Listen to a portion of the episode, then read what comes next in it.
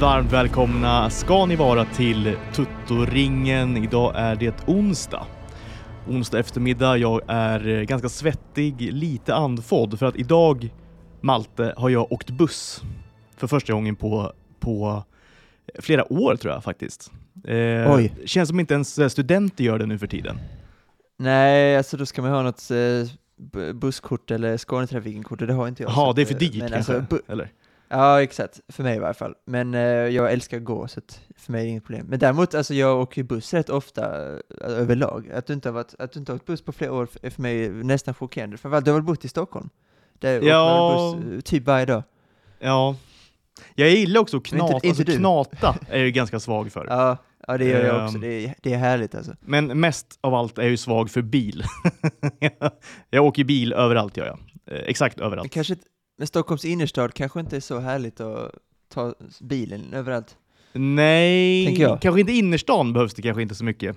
Jag bodde ute på Gärdet eh, ett tag och då var det ganska skönt med bilen då. Eh, går ju att åka tunnelbana också såklart, men, men bilen är ju, alltså så här, jag vill att det ska gå liksom snabbt, det ska vara bekvämt och det ska vara enkelt. Eh, Då är bilen som- eh, överlägsen. bilen är, den tickar liksom alla boxar, eh, gör den. Tunnelbana, buss tickar ju i princip ingen box. så då blir valet enkelt då. Nej, Eh, nej, det gör det verkligen Och inte. den här kna knatandet tickar ju heller inte så många eh, boxar faktiskt. Även om det kan vara lite skönt kanske en, en, en sommarkväll eller sådär. ja, jag är svag för promenader, så det är, ja, det är superhärligt. Men det är klart, om man haft en bil så hade det varit, då hade man ju tagit den. Jag har ju aldrig, eh, jag, jag jobbar ju ett tag med Christian Borell på Expressen. Vi jobbar tillsammans eh, ett tag. Och jag har liksom all, han går ju överallt, alltså exakt överallt går han. Eh, och jag har liksom aldrig gått så mycket som det året. Typ. Vi, gick, vi gick alltså överallt. det är ju liksom cross country i princip och det är genom hela stan. Hur gör vi? Nej, vi går. vi knatar. så det var vi bara.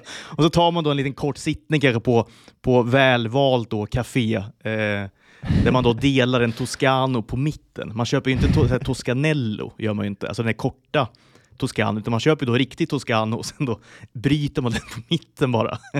gör ju Ja. han såklart. Eh, Alltså, och det, det tar, det kan ta, man, man arbetar då kanske några timmar ihop, sen, sen liksom tar det ju resten av dagen bara att ta sig till punkt B sen efter det. Eh, så det är ju en heldagsupplevelse med Christian Borell alltid. Ja. Ja, Vilken dröm, du jobbar med honom, sen fick du gå med honom överallt, utanför Uruguays ambassad eller allt vad var det. Och sen och går ni och Ja, till exempel, och ihop. prata mycket, Vilken mycket dröm. politik gillar han ju att prata. Alltså politik, eh, mycket populärkultur också faktiskt. Eh, Så att många, många långa och många väldigt trevliga samtal har vi haft genom åren. Ja, Men det är typ, du vet när man får fråga vilka fem kändisar har du bjudit in på liksom till middag? Christian Borell hade lätt varit en av mina fem. Förmodligen en Ja. av få i Sverige som hade bjudit in honom eh, som kändis då. Men jag hade 100%, alltså utan han är typ nummer ett. Han och Steven Spielberg är ju typ de två jag vill ha till bords. Eh, Jag tänkte diskussionerna mellan Steven Spielberg och Christian Borell. Där han då dissekerar liksom med kirurgisk precision då, Spielbergs alla filmer. Som han då Ja. inte tycker så mycket om heller. och det får ju Steven Spielberg höra då såklart. Ja, det är såklart han får. Borrell räds ingen. Eh, Vet du vilken, eh, dock älskar ju den scenen från Schindler's list när Liam Neeson då, eller Oscar Schindler, röker, du vet, när han röker cigarren, sen ha, håll, han håller den kvar vid ansiktet och låter röken komma upp. Alltså det är Ja. helt stilla. Ja. Den tycker jag ändå, han gillar ändå den scenen. Ja, Jag tror han gillar den filmen överlag, tror jag. Det kan jag tänka mig är liksom topp 10 på Borrells lista, kanske. Eh. Kan jag ändå han, tänka han mig. älskar, faktiskt. han älskar nog inte Hook. Nej, det tror jag inte. Jag tror inte han har sett. Han har ju undvikit Hook i alla år. Ja, det kanske han ja, det kanske han och, vet du vad, han älskar heller inte Indiana Jones 4. Där sitter han med mig i båten. Ja, där rätt sitter ni säker kanske i samma båt och jag då på Ja, andra sidan bordet som är... Jag är ju in- in- inte inbjuden såklart till den här middagen, men då i ett annat hypotetiskt då, middagssammanhang sitter jag ju på andra sidan bordet då, eh, och vi har, tycker helt olika om den filmen såklart. Ja, det är förmodligen. Men eh, jag vet inte, fan vilken dröm. En timme med honom, det hade jag gjort. Jag hade förmodligen offrat ett liv för att få en timme med honom. Du hade, du hade, givit ditt liv för, för en. Ja. Kanske inte mitt eget liv, då hade jag behövt fler timmar, men eh, något liv i varje fall. Okej, du hade gett ett liv hade du gett. Jaha, no, no, okej. Ja, Någons liv hade För du en gett. timme. Ja, jag fattar. ja, för en timme. Men en hel dag, ja, då kanske jag hade strukit med. Din tjejs liv, hade det liksom kunnat offras för en, för en stund med Borrell? Eh, ja, varför inte? Det är gränsfall varför va? inte? Ja, det, det, det är grej. Men om jag får en extra tänkas timme, på, två timmar. Ja, det är det. Två timmar och då ryker hon, tyvärr. Så får du två timmar, då är det absolut ja. Ja, 100 procent. Ja. ja Fina Christian ändå. alltså. Ja, ja, det är han. Han är ju magisk alltså. Det är en av Sveriges bästa personer förmodligen. Ja, det vill jag verkligen. Eh, ja, jag vill understryka det. Eh, dock, alltså jag känner ju bara, eller känner, men jag har bara sett, alltså jag på något sätt växte jag ändå upp med det här cultural corso, du vet, på Eurosport. Ja, du gjorde det ändå när de- alltså? Ja, men Ja, jag ja, gjorde ja. det, eh, då var jag ändå bara åtta, nio år. Eh, Men nu har jag sett dem, det finns ju på Youtube, det är ändå sjukt att det finns ganska många. Alltså, har man Eh. inte sett, det är legendariskt program är det. Det Ja, ska det man ju det se verkligen. om man inte har sett det. Det är ju stilbildande var det det på den tiden. Alltså verkligen. Ja, för det är ju inte, det är inget 5 plus-program, det är ju väldigt rörigt och det, de är på olika platser. Eh, Alltså en gång sitter de bara i en baksäte av en taxi. Och surrar om liksom eh, sportchef i eh, Livorno och allt vad det kan vara. Det är, ju, det är ju guld, det är ju guld men det är också skit. Men det är verkligen värt en titt om man tycker om eh, italiensk fotboll. Ja, och men det är ju, excentriska personer. Eh, Exakt, eh, verkligen. Eh, Det är om excentriska personer av excentriska personer. Är det ju. Och det var ju även så, vi började ju även då, eh, Kilometer d'Amore lyssnade ju på den podden. Ja just det, nej det, det, det är väl på Patreon, och det är lite för snålt. Ja, ja okej, eh, fattar. Okej, ja, men när vi startade tyvärr. den en gång Men i jag- tiden, det var ju Borrell och Wilbacher då, och det var då jag kom in i podderiet då. Eh, men settingen för varje av, vi började någon gång på hösten, tror jag, höst-vinter. Alltså settingen var ju då att vi satt på Eh, på, på ett café, eller vi stod på ett café, utanför ett café. Såklart. Eh, eh, eh, år, Som man gör året, runt, Italien. året runt stod man ju då utomhus. och eh, drack en espresso och han rökte då såklart eh, Toscano. och sen då bandade Ja. de bara av den rätt in i datorn. rätt in i datorns mick. och sen då skulle jag klippa till det där. Eh, Det var ju otroliga tider faktiskt. Kära minnen. det, det, det ja, men det, det, måste vara, det måste vara svårare, för- det måste ha varit svårare för dig att klippa den podden än Toto Balotto till exempel. Det måste ha varit mycket klipp. Ja, samtidigt som man inte vill klippa för mycket. Alltså, det är också en del av sig charmen att så här, det ska vara Ja, så här, rörigt och du vet. Ja, eh, så jag vet inte. Det var ju mer att man, man bara fixade till podden så att den kunde liksom publiceras. Typ. Eh, annars tror jag jag behöll liksom ganska mycket som det var, för det var liksom det var hela grejen på något vis. Ja, undrar om fan inte jag ska börja lyssna på den. Alltså, han är värd, vad kan det vara, 49 kronor i månaden? Det, det kanske Christian Borell är värd. Ja, 100 procent. Det, det är han verkligen. Han hade ju också en period, alltså han kör ju mycket så monologer också bara. det är bara han själv då. Ja. Eh, men ändå är det ju väldigt lyssningsvärt. Är det. Ja, eller, och, och gamla Eurotalk-avsnitt, han sitter väl där varje måndag. Och hans Ja, ja. kemi med, hans kemi, det känns som att han går ihop med alla människor på olika sätt. Eh, alltså han har en, en speciell relation med alla, han och David Fjälls relation är ju fantastisk. Deras gnabberi och eh, alltså min favoritborrell är också den som hatar Arsène Wenger och Arsenal, när det är liksom Ja. sämst för dem, när han bara sitter, han sa, liksom satt och bara, man är ju väldigt bedrövad. Det, och låter inte alls så, det var en värdelös Christian Borell-imitation, men han var bara deppig över Arsenal, han hatar Premier League, Ja. fotbollen bara böljer fram och tillbaka utan hjärna. Men nu eh, lär det väl se bättre ut, jag har inte sett Eurotalk för de tar också betalt nu på Dobb. Eh, men eh, jag gissar att han är mer positiv nu till eh, Arteta Arsenal. Ja, men hans Arsenal är ju det, alltså, det, alltså George Grahams Arsenal. Ja, exakt. Eh, ja. det, det är ju det han älskar såklart. Ja. Den där moderna Premier League och den cirkusen som det är, alltså, klart han inte tycker om det. Och det, det gör väl egentligen ingen igen. Alltså så här, det gör ju inte jag heller. Gör man inte. Nej, jag sa, jag skrev, vi skrev ju lite igår inför Champions League-mötet, jag sa att jag har noll intresse nu för Liverpools match mot Real Madrid, noll intresse. Sjuka var, du, du, du, såg, du såg ju till och med på Napolis match, kolla inte ens på Liverpool. Nej, jag kollar inte ens på. Det, ja, men det har gått fort, alltså jag har hejat så mycket på Liverpool så att alltså jag har till och med gråtit eh, när de har förlorat och så vidare, det är liksom på den nivån. Eh, Men eh, det har gått så fort sen Super League och eh, allt, så att nu känner jag väldigt lite. Det finns känslor kvar såklart, det är kul om de vinner. Det var inte så att jag tyckte det var kul att de förlorade med 5-2 igår. Och Joe, och Joe titta på Joe Gomez spela 90 minuter fotboll. Det, alltså, jag tycker det är tråkigt, men väldigt lite intresse. Här, nu följer jag Napoli och Milan och deras, och inte såklart deras resor i Champions League. Det, det ger mig mycket mer. Vi lämnar väl kanske där Borrell och den moderna Ja. fotbollen. ehm, Ja, det får vi göra. Eh, gör vi. vi. Ska väl prata om lite Star Wars, är tanken. Ehm, jag har ett till, vi har ju ett gemensamt projekt här nu i Tutoringen. Det är att vi ska, ta, Ja, har vi. vi ska då eh, en gång då pitcha eh, våran programidé för vilket nu produktionsbolag det nu blir. Något kommer det bli. Vi hade kommit jättelångt i processen, men, men den är igång. den har smugits igång. Ja, men det är den. Har den gjort. Det är den verkligen. Men ska Eh. vi börja med att ta, ska vi börja med att ta, det var någon som skrev på klotterplanket om lite så här eh, SVT's eh, reality. Jag tycker ändå, ska vi inte börja där så tar vi Star Wars sen? Eh, Vad var det som skrevs då på klotterplanket? På tuttoblutto.se? Ja. Där man kan skriva om man vill. Ja, jag har inte ordagrant exakt vad han har skrivit, men han tog upp ett par program som faktiskt jag har sett på. Och faktiskt tycker är ganska bra. Eller jag har sett så här, jag har sett Aniston Demina reagera på dem. Ehm, Det låter ju så fruktansvärt. Det. Nej, jag tycker faktiskt att han är fan eh, charmig. Jag tycker att oftast blir det att en kändis får snurr och att de är kvar i den snurren i ett år och alla ska prata om honom. Men i hans fall tycker jag fan att det han gör, det gör han jävligt bra. Och han bjuder in också så här eh, roliga personer och reagerar tillsammans. Eh, och det är också tacksamt såklart att reagera på folk som ställer upp i sådana program, givetvis. Men han tog upp det här eh, eh, programmet då, Middag med mitt ex bland annat. Ehm, och det är ett program, jag vet inte om du har sett det? men Nej, det har jag inte gjort. Går, går det på SVT Nej. eller? Ja, det går på SVT och det är då ett program där en person bjuder in sitt ex för att de då bara ska prata ut, helt enkelt. Oj, om deras Och, liksom, eh, före detta relation, eller vadå? Ja, ex, ja precis. Få Oftast closure, så, var- att säga. Ja, eh, ja. Och det, ja, precis. Ehm, och han tog upp... Vill man se det? Det måste ju vara... Jag spänt, tycker alltså. att det, alltså, ja men det, man ska ju, för det första, jag har ju en fördel av att jag tittar på Don Deminas reaktioner och då har jag ju valt extra roliga eller extra bra program. Så att jag har ju nog bara sett liksom best of the best.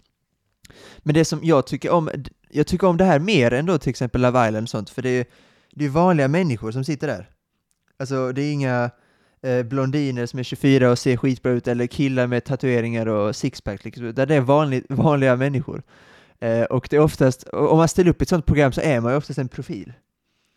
För att eh, de här Love Island-profilerna då inom citationstecken, de är profiler för att de är liksom dumma i huvudet, oftast. Eh, väldigt sällan någon annan. Det är inga, det är inga, det är inga spännande människor, är det ju inte. Nej, exakt. Det är väl möjligtvis Samir som jag ändå tycker är charmig, eller var.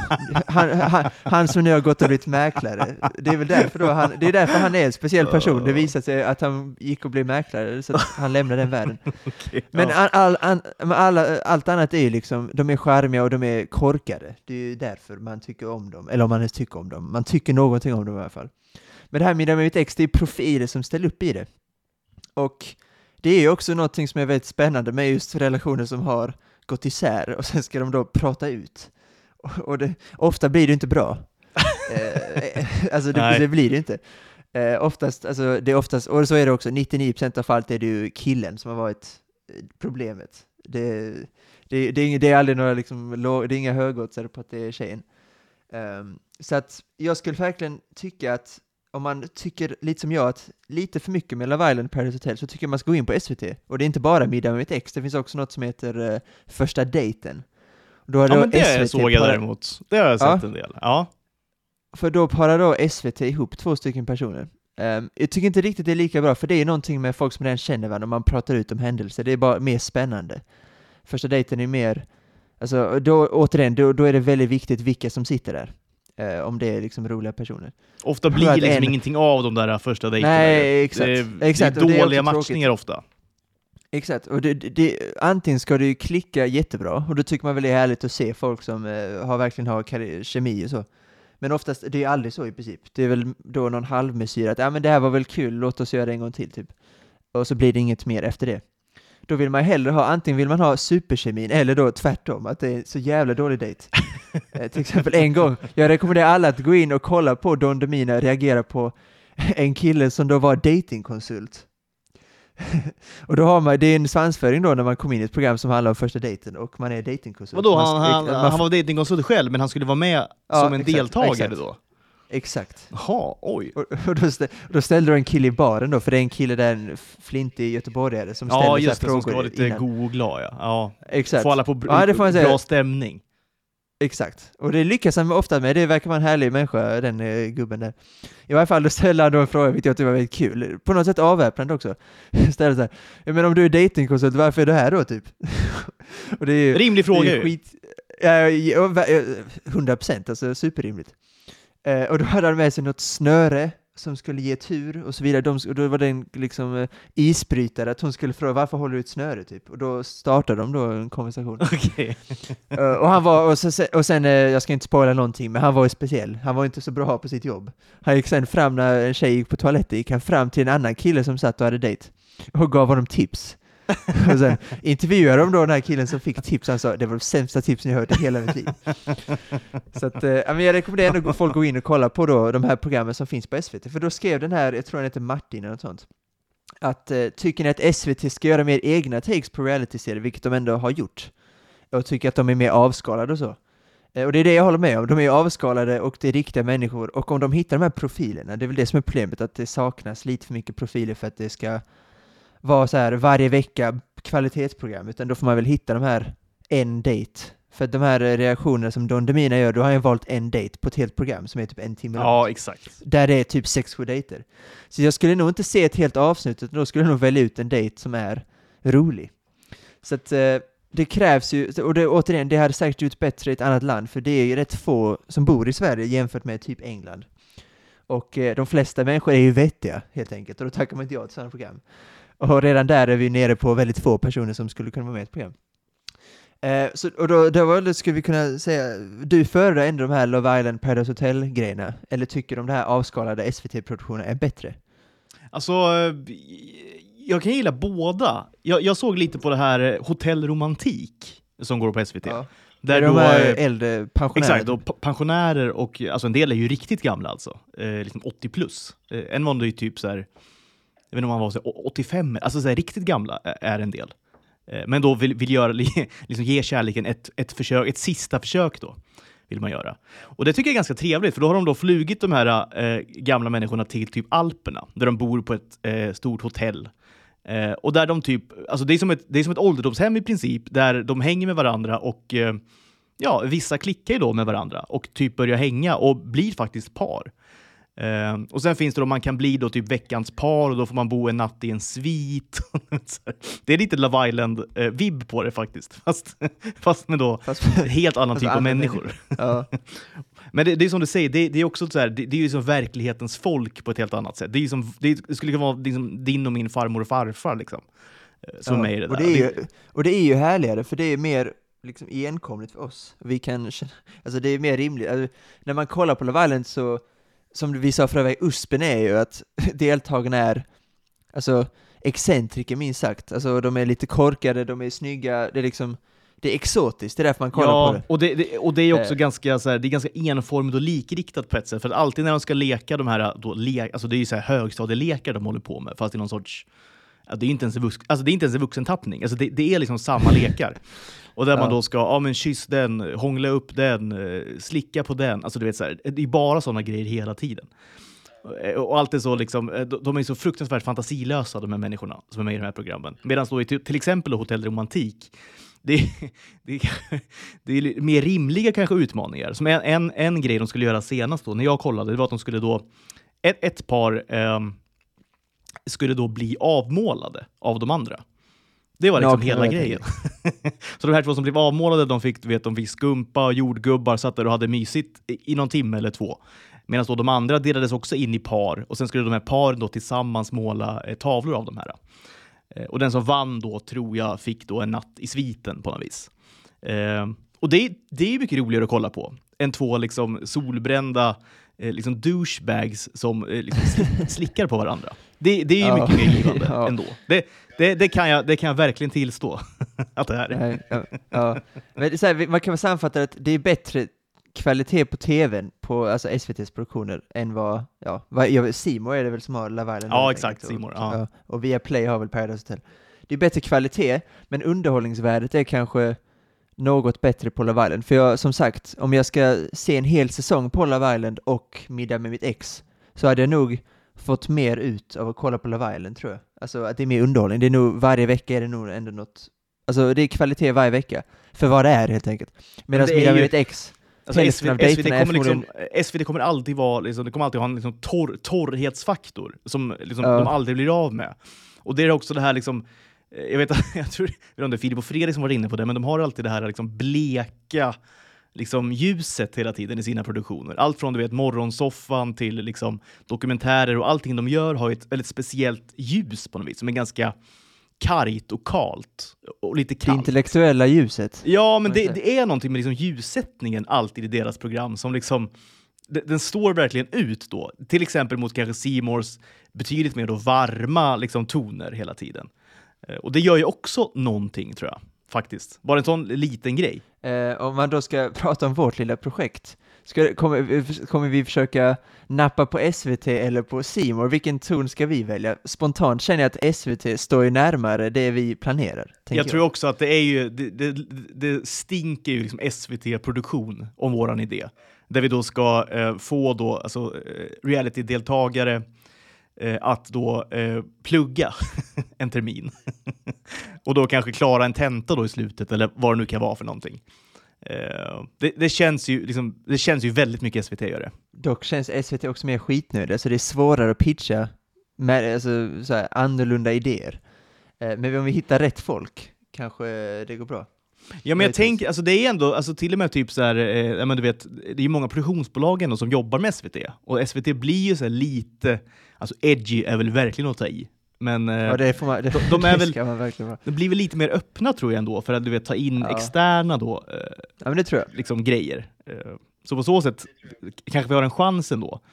Eh, så vi, kan, vi, vi kanske ändå börjar med SVT och sen liksom jobbar vi Ja. oss neråt på något vis. Ja, det, det känns så. Vi Eh, har, man har ju ändå någon liksom, liten rangordning top of mind, eh, då kanaler och sånt. Och, och SVT är väl då kanske högst upp.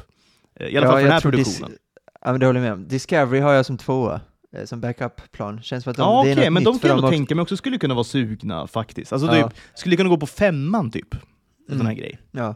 Eller ja, ja, femman känns som en rimlig, typ så här efter Lyxfällan. Eller, om- nej, det är Ja men, ja, men, något, ja, men exakt, någonting sånt. Eh, ja, typ 21.00 liksom, går det här. Det är Ja. liksom Lyxfällan, nej Lyxfällan är väl trean va? Det är väl ja, det eh, är trean. resat. Ja, det är trean. Ja, men säg att det här då går eh, 21 och sen är det då Alla mot alla 22. Eh, Det har varit perfekt. Rimlig TV-kväll ändå. Ja, herregud. Och värma upp alla mot alla, det hade varit... Känns som också bra. Bra segway från oss till alla mot alla. Ja, men jag tror Ja, det. Det är, liksom, det är ja, feel good hela vägen i princip. Ja. Ju. Ja. För det, det är Ja, ju det är mycket feel good den här serien vi jobbar på. Är det, ju. det är ju inte... Eh, nej, det ska jag... det, går ju mycket mer åt det hållet. Ja, vi, vi- har ju mycket makt i vilka vi väljer att ta med. Vill vi att det ska gå Ja. uselt för, vill vi att det ska gå uselt för dem, typ? Jo men alltså någon ska ju Eh. också, du vet, folk måste ju också åka ut och sådär såklart. Ja. Eh, och det är väl att de Precis. då är kanske, jag vet inte om, om kriteriet ska vara att de ska liksom vara bra på att plugga, för då då kanske alla faller, alltså då, så här, då åker väl alla ut kanske? Så att man då Ja, har ett, ett, ett läxförhör kanske då i slutet av varje avsnitt och den då som är sämst åker ut. Eh, risken är då att det, det är väldigt många som är sämst. Eh, det kanske att man ska ha andra eh, kriterier, jag vet inte. Mer liksom godtyckliga, att vi kanske har en jury som så här, lärare då, professorer, som då liksom följer de här en hel vecka. Eh, och sen då får de typ på så här eh, mästerkocken maner liksom välja då gemensamt vem som åker ut den veckan. Kanske inte bara liksom baserat på prestation, utan även Nej. på liksom, eh, potential och du vet så här, eh, hur mycket jobb de lägger ner också. Alla har ju inte samma Det- förutsättningar när det kommer till liksom, studier. precis. Nej, och det är för mig väldigt viktigt att vi har alltså, mångfald, menar jag nu med alltså, olika typer av personer. Det ska helst vara en som alltså, snappar upp det rätt fort. Hon eller han blir rätt duktig och hamnar i bra mönster. Medan jag vill gärna ha en eller blir lite två... lack på dig och ska försöka få ut den människan kanske och sådär. Ja, Ja, Precis. exakt. Försöka störa hennes plugg och bjuda Ja. ut henne så. Och då en och två skiter helt i plugget och de hamnar i fest eh, och de, de tycker det är härligt med CSN och sånt, typ. Eh, ja ja, CSN att får de ju förstås. det är, Exakt. Ja, måste ju få betalt på något sätt. Ju. Exakt. CSN går in och sponsrar. Gåshud alltså. Exakt. Det är viktigt att alla inte är duktiga och det är viktigt att alla inte heller är skitdåliga, utan det ska vara lite så, tvär, eh, så så här, motsatta. Och det ska vara de i mitten som vill, liksom vill fucka lite med båda. De är duktiga, de, är, de gör liksom minimala, de klarar sig precis. Ja, Men eh, de håller på att förstöra för festarna och för de som pluggar. Ja. Så eh, det är väldigt viktigt, å- återigen som Middag med ex, vilka vi castar i de här, eh, som de här eh, Love Island-karaktärerna, om man säger så. Eh, Det är väldigt viktigt, det gör ju hela Alltså, programmet. verkligen. Sen- och här sen- tror jag... Här Vi tror sköter ju resten liksom. Ja, exakt. Och här tror jag ändå vi kan göra ett ganska bra jobb. För att kollar man både på de SVT-programmen vi har nämnt nu, även Love Island, alltså vissa castingar är ju, är ju katastrofala. Alltså så här, hur, Ja. hur tänkte ni nu, liksom, eh, ni som castade? Mm. Inte alls förmodligen. Eh, det, är- det är ju svinviktigt hur man castar ju. Eh, och där tror jag ändå vi, eh, tror jag ändå vi har ganska bra liksom, fingertoppskänsla där. Vi, vi får åka roadtrip genom hela Sverige typ och eh, kolla på de här Love Island Paradise Hotel och hitta gamla deltagare och till slut får vi upp en 10 eller 15, en grupp på 10-15 pers. Ja, men vi får Sen ha vi- kanske någon shortlist på kanske 30-40 någonting. Eh, för att många Ja. kommer ju tacka nej förmodligen också. Ja, det Eller, får man verkligen ingen, säga. ingen, nej jag skojar bara, ingen kommer såklart tacka nej. De är ju med i allt, allt som går såklart. Ja, i och för sig, det är också Eh, sant. Det är sant, det kanske Någon- räcker med någon tio tack- namn. Men någon, tack, någon tackar väl nej? Någon? Nej, ja, Max en tackar nej. alltså. Ja, det kan De, är liksom, de har inte tackat nej till någonting hela sitt liv tror jag, de här människorna. När det kommer till liksom att vara med i liksom mediala sammanhang. Nej, do, dock har de väl tackat nej till att hjälpa till hemma kanske. Det är inte omöjligt. Ta, ta ut soporna? Nej, det gör, nej, inte idag. Jag är så jävla trött. Jag festade igår. Så jävla ont i huvudet. Ja, jag ska gå till gymmet, jag har inte tid. Ja, exakt. Jag ska jobba på mina armar. Ja, idag är det armar farsan, jag kan inte ta några Ja, exakt. sopor idag. Ja. Nej, Ja, fan, vi det får- är ändå kul. Det är kul och vi, vi får be om återkomma då. Vi tar väl lite, eh, någon summering kanske varje vecka. Eh, vi får väl börja jobba lite mer eh, liksom, Ja, det på göra. det här, på riktigt kanske. Att i alla fall komma upp med, Ja. med en liten önskelista på namn och sen liksom ta det därifrån. Eh, Ja. kommer mycket Ja, ge sig själv tror jag på något vis. Mm. Jag har, eh, alltså jag, återigen, du ser på mer sånt. Men jag har ändå några som jag, jag vill ha med min High Leonidas, men han är gift och har barn. Eller gift vet jag inte, men han har barn i varje fall, så det känns tveksamt att få med honom. Dock är det kanske någonting som, eh, att han ska få ihop livspusslet. Typ så här, han ska kunna hämta barn från dagis och sen ska han Ska han göra ändå frun hinna- glad och exakt. sen ska han plugga, exakt. Ja, det är Exakt, något för det är grupparbete på kvällen och så här, hur ska han, och det, han ska lägga barn och det, ja men exakt, ja verkligen alltså. Ja. Ja, men mycket sådana, måste ju få in lite sådana intressanta dimensioner. Det, lite side stories blir det ju på något sätt. Alltså side plots. Filmskapande blir det, det är det ja, vi håller på med ja, verkligen alltså. Ver- Ja. Det blir väl en ganska komplex då, produktion. ja, just det. Ja. Det går från Och det är det- kilometer det- det är d'amour väl det- till det här. det är väl- Cirkelslutningen. Ja, och det är väl det mycket SVT saknar. Det är, det är inte komplext. Alltså det är väldigt, Nej. väldigt av, alltså det är, för, det är extremt avskalat är det ju. Här, så här kanske SVT liksom ändå kan liksom, jag vet inte, växa in i, i, i kostymen lite grann vad det gäller reality. Tror får in lite mer komplexitet i, i produktionerna. Ja, jag tror att de är rätt nya på det. Jag tror de här Middag med mitt ex-programmen är rätt så nya. De här, eh, de hade väl något eh, gift vid första ögonkastet. Jag tror ändå SVT, det Ja men det är, är väl exakt. fem ja, år. de De, det är fem år de har hållit på, så jag tror de är rätt öppna för nya just reality-idéer. För jag tror att de märker att de konkurreras ut av, ja, typ C More då eller Viaplay med de här Paradise Hotel-programmen. Och jag tror att de inser potentialen, också har de dessutom haft framgång. Och jag tror att om vi kan göra reality på mer intellektuellt sätt, tänker de, då kan vi ändå utmana de här. Och det har de väl lyckats med, så att de är nog öppna för mycket, känns Men jag som. tror det, och det är ju så också realityns, liksom, eh, vad ska man säga, liksom, det, det, finns, ju en, en utmaning här för realityn. Och det har vi pratat innan om att, att då Paradise Hotel till exempel försöker då eh, liksom eh, komma in i 2023, där man då har med typ eh, nej men, liksom tjocka och fula människor eh, också. Och det, det blir ju då platt fall, för att Paradise Hotel är ett program som eh, är liksom motsatsen till det i grunden, alltså i sina grundvalar. Så det går liksom inte. Så utmaningen är då hur liksom man ska ta realityn till 2023. Och som du ser då, kanske lite mer intellektuell riktning. Och då är väl det här, tycker jag, det är väl en, en kanonidé det här. Jag tycker det. Eh, en annan dröm är att vi, vi byter ut Leif och Billy. Och då har vi lördag 21.30, precis efter Melodifestivalen.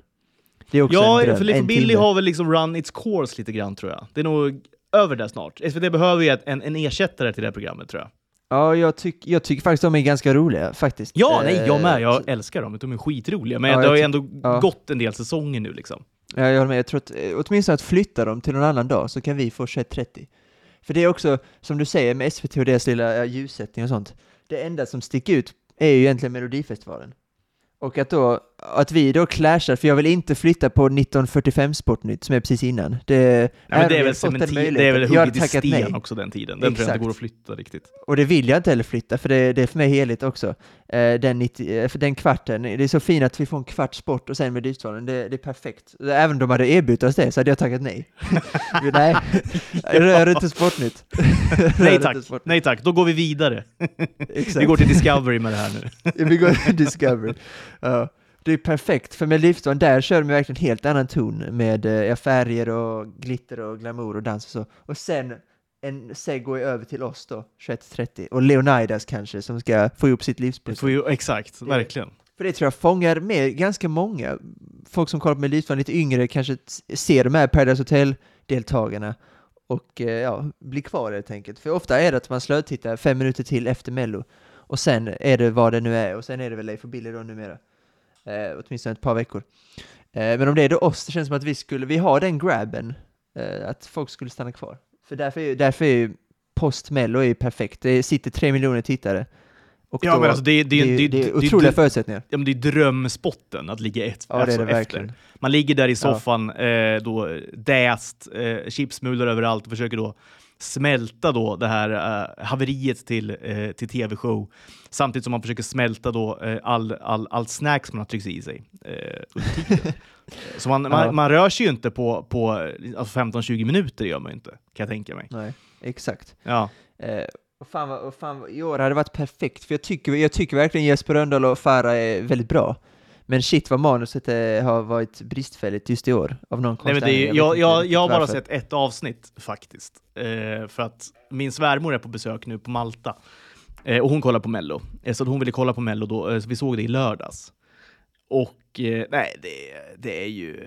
Vi ska inte fastna här, men det är ju, det är ju så, det är så fruk, fruktansvärt... Nu kanske jag inte ska såga då SVTs produktioner, om vi nu vill komma in då.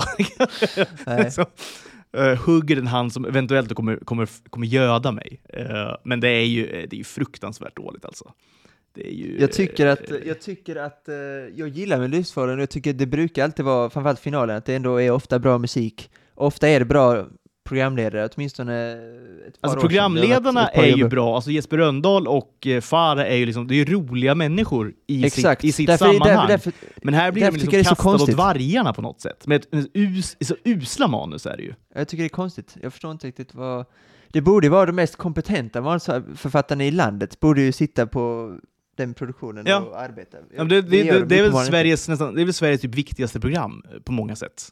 I branschen liksom. Det, det är ju verkligen A-list att jobba med Mello. Och så gör man det liksom till ett dåligt barnprogram bara. Det är jät, jättekonstigt är det ju. Och det är dessutom konstigt eftersom att de alltid får typ Sveriges hetaste programledare, så att det är inte det är aldrig problem på, eller oftast i varje fall, det är inte problem på programledare, utan det är alltid manuset. Så det borde kännas så, de behöver inte slita för att få typ, men de har fått så här Anders Jansson, Rickard Olsson, du vet sådana, och Rick, eh, Christian Luuk, alltså de får ju alltid crème de la crème. Petra Mede var ju top notch Exakt. jag. Eh, shit vad bra hon var. Därför tycker jag, jag tycker egentligen att de här två, vad är, förmodligen om man måste bara välja personer för formatet, så är de här två tycker jag borde vara precis efter henne. Men Ja. Peter Mede hade liksom Edvard af Sillén, jag tycker inte att, så här, Edvard af Sillén han är duktig, men det är väldigt, jag tycker vi lever väldigt farligt i när han blir så här manusförfattarkungen i Sverige. Jag tycker han är duktig, men jag tycker heller inte att vi ska Nej. avguda honom för mycket. Men eh, med det sagt så när han har jobbat med produktionerna så är det ju ofta bra. Alltså han gjorde ju också den här Eurovision i Sverige 2016 med just Måns Zelmerlöw och Peter Mede. Och det är förmodligen det bästa Ja, men Eurovision det, har varit. det, alltså, det var ju bra koll på programmet. Det, det måste man ju Ja. säga. Ja, visst. Framförallt när man jämför, när man, framförallt när man jämför med typ Österrike året innan som hade typ tre stolpskott. Nej, men alla de här, Eh. alltså alla är ju, alltså alla Eurovision är ju liksom katastrofala i princip. Det är ju liksom, det är aldrig bra alltså. Ur produktionshåll är det ju inte. Och jag tycker faktiskt i år, jag var på plats i Turin när eh, det var i eh, då, Turin förra året. Jag tycker faktiskt de italienska, den italienska produktionen var helt okej också. Ja, men de Eh, kan ju Alessandro Cat- TV, det har vi varit inne på förut. Liksom. Ah, de, de har ju sin de egen, det? liksom, de har sin egen stil som de bara kör rakt av. Och det, det, gillar man ju också. De, de fuskade lite med att ta in Mika, som inte har någonting med Italien att göra. Alltså där vä- världsstjärna. Ja. Visste man att han skulle göra, visste man att han skulle göra det bra, trots han kan ju italienska, men han har ingenting med landet att göra. Sen då såklart Alessandro Catalan, deras liksom Jimmy Fallon, har sin egen talkshow och har varit programledare för X-Factor typ åtta år, så det var också klockrent. Tycker jag han är väldigt rolig också. Eh, åtminstone för att vara italiensk talkshow-host. Liksom. Sen Laura Pausini som är jättestor italiensk sångerska, så de hade också bra förutsättningar där. Eh, men i år ska Graham Norton vara programledare och det har ju potential till att bli väldigt, väldigt bra. Ja, det kan ju bli Ja. bra alltså. Verkligen. Det, han är ju väldigt, jag tycker att, vi ska inte fastna i det heller, men amerikanska talkshows är för mig eh, alltså sämre än Melodifestivalen när det kommer till, alltså, sämre än Melodifestivalen-manus i år. Så fruktansvärt, framförallt, framförallt Jimmy Fallon, han är så jävla kass. Nej men alltså, Eh, jag jag jag menar, Stephen alltså, Colbert är ganska bra och eh, Conan är väldigt rolig, men nu har han dessutom slutat, så det de är har ju slutat. väldigt dåligt. Det, det fanns ju en tid liksom när, när det var liksom, det var Letterman, det var Jay Leno och det var liksom Conan. Alltså de tre var liksom aktiva samtidigt. Och då, alltså det, det var ju otroligt liksom. Det var ju alltid bra liksom. Det gick så här sent på kvällen, man, det gick så här vid 22, 23 typ gick det. Ehm, det kollade jag ju alltid på, alla de tre tyckte jag ju var liksom skitbra. Men nu där Jimmy Fallon och Kimmel och, och de här, de är ju liksom, det, det är ju det är så fruktansvärt tråkigt. Är det. Ja. Jag kan tycka att de är så här ganska roliga i sina sammanhang, men just programledarrollen är de så fruktansvärt dåliga i. Nej, men alltså, Eh. alltså så här, ja, Jimmy Fallon kanske var rolig liksom, i någon här SNL-sketch eh, för 15 år Exakt. sedan. Liksom, det, och, och där Ja. skulle han ha stannat såklart. Eh, Och de är säkert roliga i så privata sammanhang, de är roliga människor. Men deras program är inte bra för fem Nej, nej, det är de Eh, verkligen inte. Och min poäng var då att jag tycker faktiskt att Graham Nortons talkshow, som faktiskt går på SVT, vilket jag inte visste, jag konsumerar dem ju via YouTube snarare, snarare istället. Hans talkshow är faktiskt väldigt rolig. Jag tror att en viktig anledning är att de får dricka hos honom. Eh, valfri, jag tror det är valfri drink. Ja, det, kan, ja, det eh, kanske det är. Och han, han får, jag han tror det är också, så. eh, Alltså ruskiga gästbokare har han. Alltså, han får ju, Ja, exakt. det är ju A-list på A-list på A-list liksom, hela, hela ja, jag tiden. vet. Jag tror att det är för att han kör inte hela året, utan han kör så säsongsvis. Alltså Ja. Jimmy Fallon kör ju varje kväll. Och det formatet känns som att det kan inte leva kvar. Det är fortfarande inrutat i USA. Ja, men det, fun Men- det funkade ju liksom 95 fortfarande. Eh, men det funkar liksom inte längre.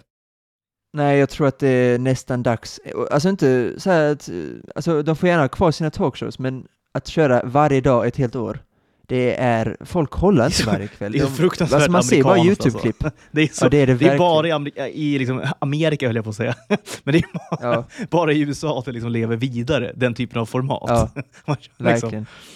Ja. Och, det, och, min poäng är då tror jag att anledningen till att Norton får sådana jävla, ja men du, som du säger, alltså det är varje vecka någon jävla Tom Hanks och sen är det eh, Samuel Jackson och sen är det Anna Kendrick, alltså det är varje vecka, det är liksom aldrig någon B, ja, det är ibland bara någon bra gäster i brittisk- princip. Exakt, och då är, ibland är det någon brittisk komiker, men då vet man vem det är, så Greg Davis och sånt. Men då är de, Eh, även om man inte vet Jack vem det är, så är de, så här, de är ändå roliga. Liksom. Så här, man, Exakt, man tycker ändå om dem på något vis. Exakt. Eh, så Graham Norton, det är, det, om man ska konsumera en så här Hollywood talkshow, kolla på Graham Nortons, för den är faktiskt, dels är han charmig och rolig, men de får dricka och gästerna är mer avslappnade och de är, ja men det är härligare stämning och som sagt, kom, mer komprimerad eh, säsong så att han får de här eh, A-list-personerna också. Jag tycker att det har liksom likheter med... Liksom, eh, du minns ju inte det, men har du sett liksom Sen kväll med Luke? Alltså Christian Lukes liksom, talkshow man hade på Ja, jag har 90-tal. sett, eh, jag, Jag har jag har sett klipp. Det, Ja, det tyckte jag ju var liksom skitbra verkligen. Och han hade ju också en förmåga att verkligen få alltså, A-list eh, gäster hela tiden. Eh, Men det var också liksom säsongsbetonat hela tiden. Och det var liksom en sån, sån stämning så att alltså, gästerna kände sig verkligen bekväma. Alltså, det var så roliga samtal, det, det var liksom verkligen så utanför boxen. Eh, Ett av de mest kända liksom, inslagen är när Janet Jackson var där, liksom, på höjden av sin karriär och, och liksom kysste Christian Luuk på magen. det, det har hon inte gjort i något annat sammanhang såklart. Förmodligen, Det hade inte hänt på Jimmy förmodligen Kimmel förmodligen. Eh, Nej, det, det hade det verkligen inte. Det, var, det, det med Luke, jo absolut, jag tycker Christian Luke är väldigt bra. Ehm, men till exempel nu, i Sverige är det väl tyvärr David Helenius, och jag tycker inte att det programmet är speciellt, jag tycker inte det, det är ingen bra talkshow. nej men det är, jätte, det är jätte, Eh. det är jättedåligt är det ju såklart. Ja. Det är, det är Dock skit, tyck- skitdåligt är det, verkligen. Det är på samma Låt mig nivå tala som Fallon. klarspråk här. Det är kast. det. Är på samma nivå som Fallon, alltså tycker jag. Ja, Ehm, det har ju samma verkshöjd liksom, och samma underhållningsvärde faktiskt. Ja.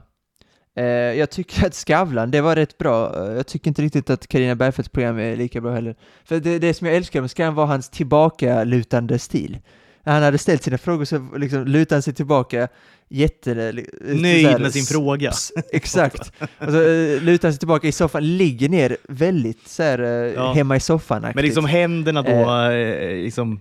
eh, Typ i håret. Ja. ja, typ. Så det, honom gillar, han fick ju också fantastiska gäster. Han lyckades blanda så här Ricky Gervais med typ någon eh, hjärnforskare och Benjamin Ingrosso med någon, eh, typ, inte Obama, men vem fan var det som satt där? Eh, Var det George Bush var där någon gång tror jag, till och med? Eh, Ja, men han fick, han fick ju jättebra gäster verkligen. Men det, eh, problemet där var väl att det var lite, alltså det var alltid lite, lite stelt, var det inte det? Alltså, de kunde liksom inte släppa loss helt kanske gästerna. Nej, kanske inte. Nej, men där, där, nej de, fick, de fick ju inte dricka något förmodligen, tyvärr. Nej, det lär de inte ha fått. Det, det var ingen som kysste då Skavlan på magen. Nej, det var, nej, det var det verkligen inte. Eh, var det Stefan Löfven som gjorde något jujutsu-trick på Skavlan? Nej, det var på Per Skoglund. Nej, det var inte Skavlan. Eh, Nej, just det, det var Erik Hamrén. Erik Hamrén som dansade med... eh, Vem fan var det han dansade med? Han dansade med någon kvinna i Skavlan. Är det sant? Eh, Ja, han, de dansade någon, eh, vad fan han kunde, rumba eller något sånt. Han känns ju, det han känns där? som han har kass taktkänsla, Hamrén. Men det kanske eh, han inte alls har. Ja, han, kunde, han, han kunde dansa, det var, väl, det var väl det snacket med att han satt i Skavlan och hade scarf och så snygg ut typ. Det var det att det här är något annat än Lagerbäck. Det var då hans, det var då hans, eh, liksom, det var då han pikade Hamrén, typ när han satt där i Skavlan.